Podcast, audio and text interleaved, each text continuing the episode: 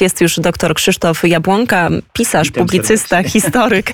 E, dzień przede dobry. Przede wszystkim nauczyciel. A przede wszystkim nauczyciel, tak. I to, i to też... E, Reszta była dodatkiem. I to też trzeba przyznać, ale też nie bez powodu. Dzisiaj znalazł się pan w naszym studio, 12 września. Bardzo dużo ważnych, e, da, data ważna i dużo ważnych rocznic. 12 września dokładnie 1683 roku. roku. 339 dzisiaj jest rocznica. Dokładnie tak, tak. rocznica odsieczy wiedeńskiej. wiedeńskiej. Zwanej też w historii Wiktorią Wiedeńską, czyli no, największym, jakie był w XVII wieku zwycięstwie w ogóle Europejczyków. Tutaj trzeba powiedzieć, że ta bitwa wreszcie dostąpiła nobilitacji, czyli jest na właściwym miejscu, stała się bitwą europejską. I we wszystkich podręcznikach, nawet takich, których bardzo Polaków nie lubią, występuje. Dlaczego to ma takie ogromne znaczenie? No po prostu Europa ocalała. Więc w kilku słowach przedstawimy tę bitwę, a potem jakieś inne rocznice jeszcze, bo będzie jedna dość ważna.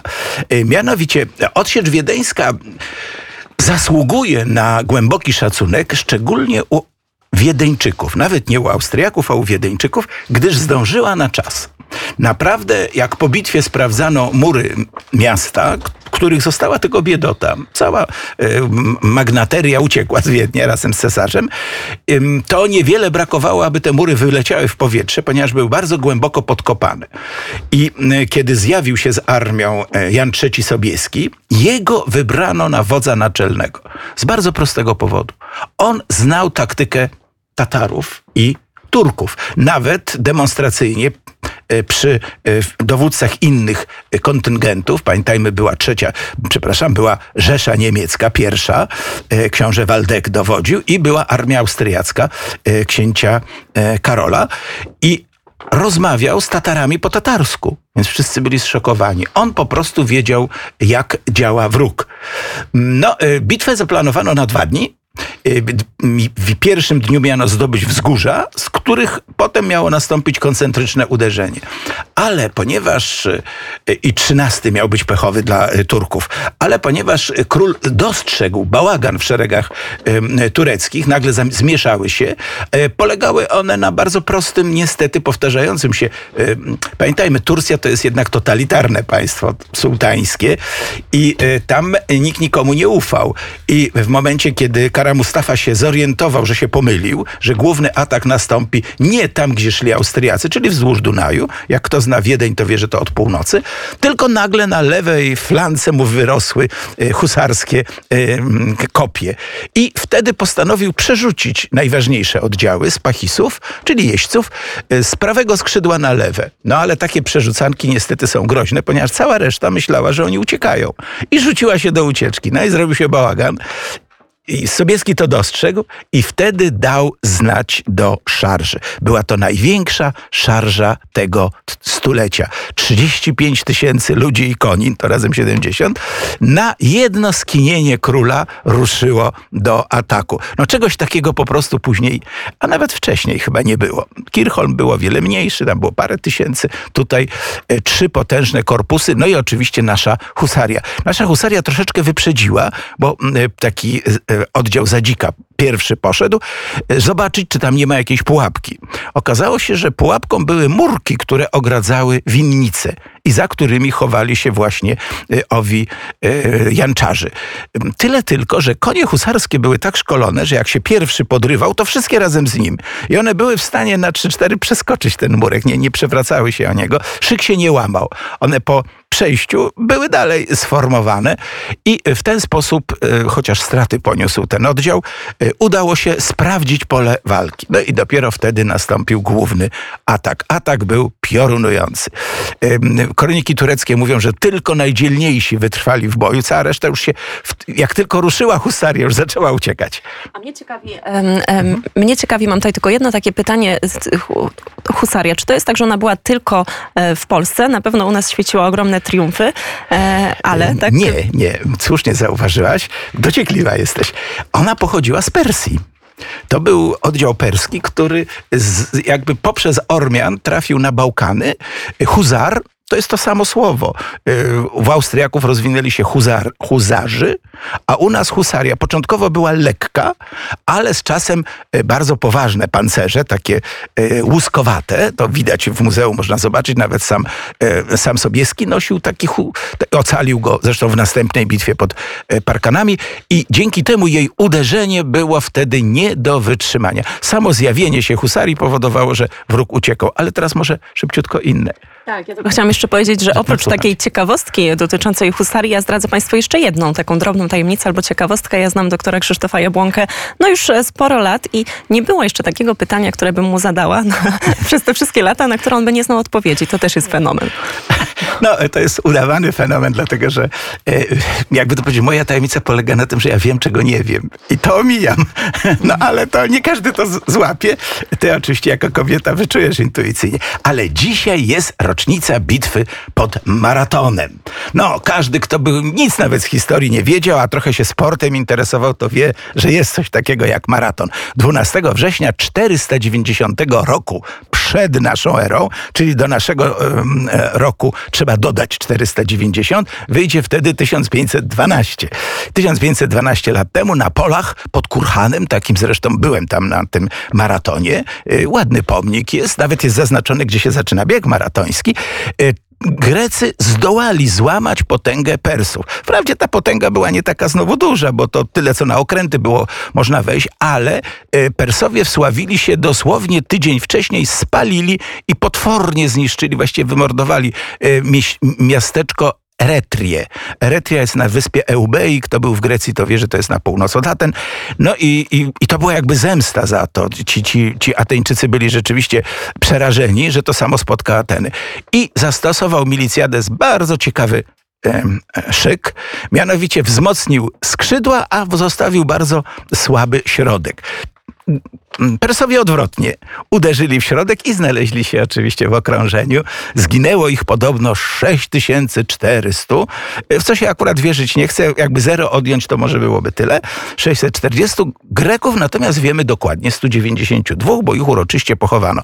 Ale tajemnicą tej bitwy jest jeszcze coś innego.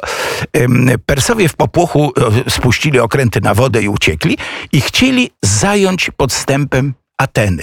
I wtedy Filipides z, z, położył tarczę, zdjął pancerz i pobiegł do Aten, 42,5 kilometra, chociaż niektórzy twierdzą, że 49, i ostrzegł Ateńczyków. Miał podobno krzyknąć Nika, czyli zwycięstwo, biegł z oliwną gałązką, wskazać na okręty Persów, które się zbliżały i umrzeć na zawał serca. Ale to już legenda.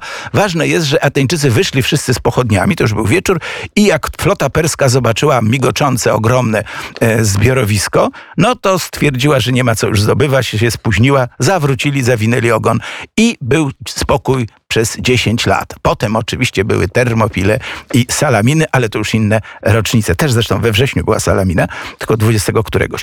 Ale szybciutko przebiegniemy. W 1213 roku Szymon de Montfort 12 września poprowadził krucjaty przeciw Katarom. No jedna z najstraszniejszych rzeczy w dziejach chrześcijaństwa. Ale w 1635 zakończył się mały potop szwedzki Mieliśmy trzy potopy i ten pierwszy właśnie się zakończył rozejmem w sztumskiej wsi 1635 roku. Szwedzi się po prostu z Polski wynieśli, bez żadnych dodatków.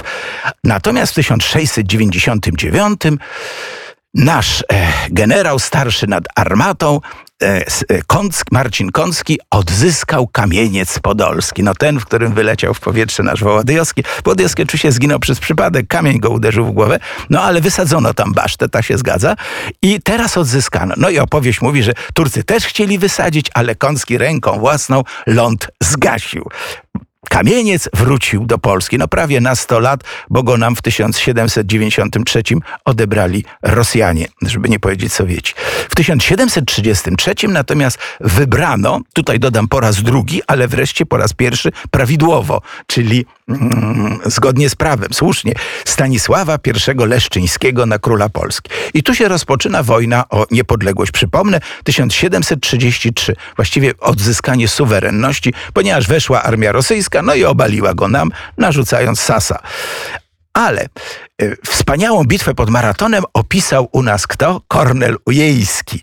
On się urodził 12 września w rocznicę bitwy pod Maratonem w 1823 roku. Polecam ten poemat. Kto dawniej był w szkole, ten go jeszcze pamiętaśmy się na pamięć uczyli. Wreszcie w 1831 roku, w czasie powstania listopadowego, była bitwa pod Kockiem, a więc nie tylko we wrześniu, ale i właściwie pod Kockiem była w każdym powstaniu. Jak patrzyłem, to i, i, i, w, styczniowym, i za, za Poniatowskiego, nie wiem tylko czy za Kościuszki. W 1917 roku natomiast władze niemieckie powołały Radę Regencyjną Królestwa Polskiego, złożoną z trzech osób. Y, Każda miała jakby powód być tam. Y, Oczywiście prymas Polski był, y, prymas Królestwa Polskiego, prymas Polski to w Gnieźnie, Aleksander Kakowski był interreksem, czyli jak nie ma króla, to jest on. Y, Prezydent Warszawy, książę Lubomirski, y, no z racji, że był, y, że rządził Warszawą. No i prezes jedynego stronnictwa polityki realnej, jak mu na imię było chyba Józef Ostrowski, był trzecim członkiem, najbardziej chorowitym. I ta rada spełniła swoją rolę. Dzisiaj się ją docenia, ponieważ zaprowadziła polskie szkolnictwo, polską administrację i polskie sądy. A więc to wszystko, co mogliśmy, już było gotowe. W 1918 roku, gdy odzyskiwaliśmy niepodległość, państwo polskie już w zasadzie przez tę radę było. Y, No, drugim jej wielkim wyczynem jest to, że od razu oddała władzę Piłsudskiemu i 14 listopada, pamiętajmy, 11 jesteśmy niepodlegli, ale 14 Rada ustąpiła i staliśmy się republiką. No to już tylko szybciutko w 1939 roku zwyciężyliśmy Niemców pod Kałuszynem, to na wschód od nas, a, a nieco wcześniej, w 1921 roku w Lwowie urodził się Stanisław Lem.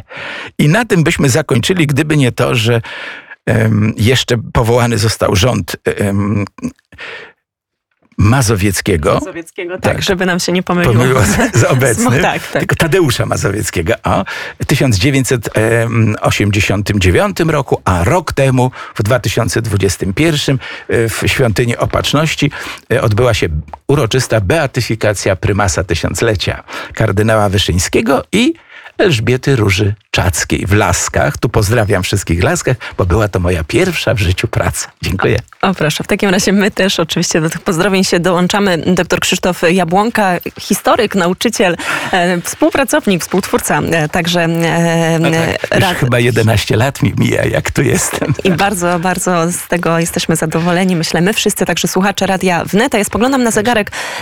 Bardzo dziękuję. Dziękuję.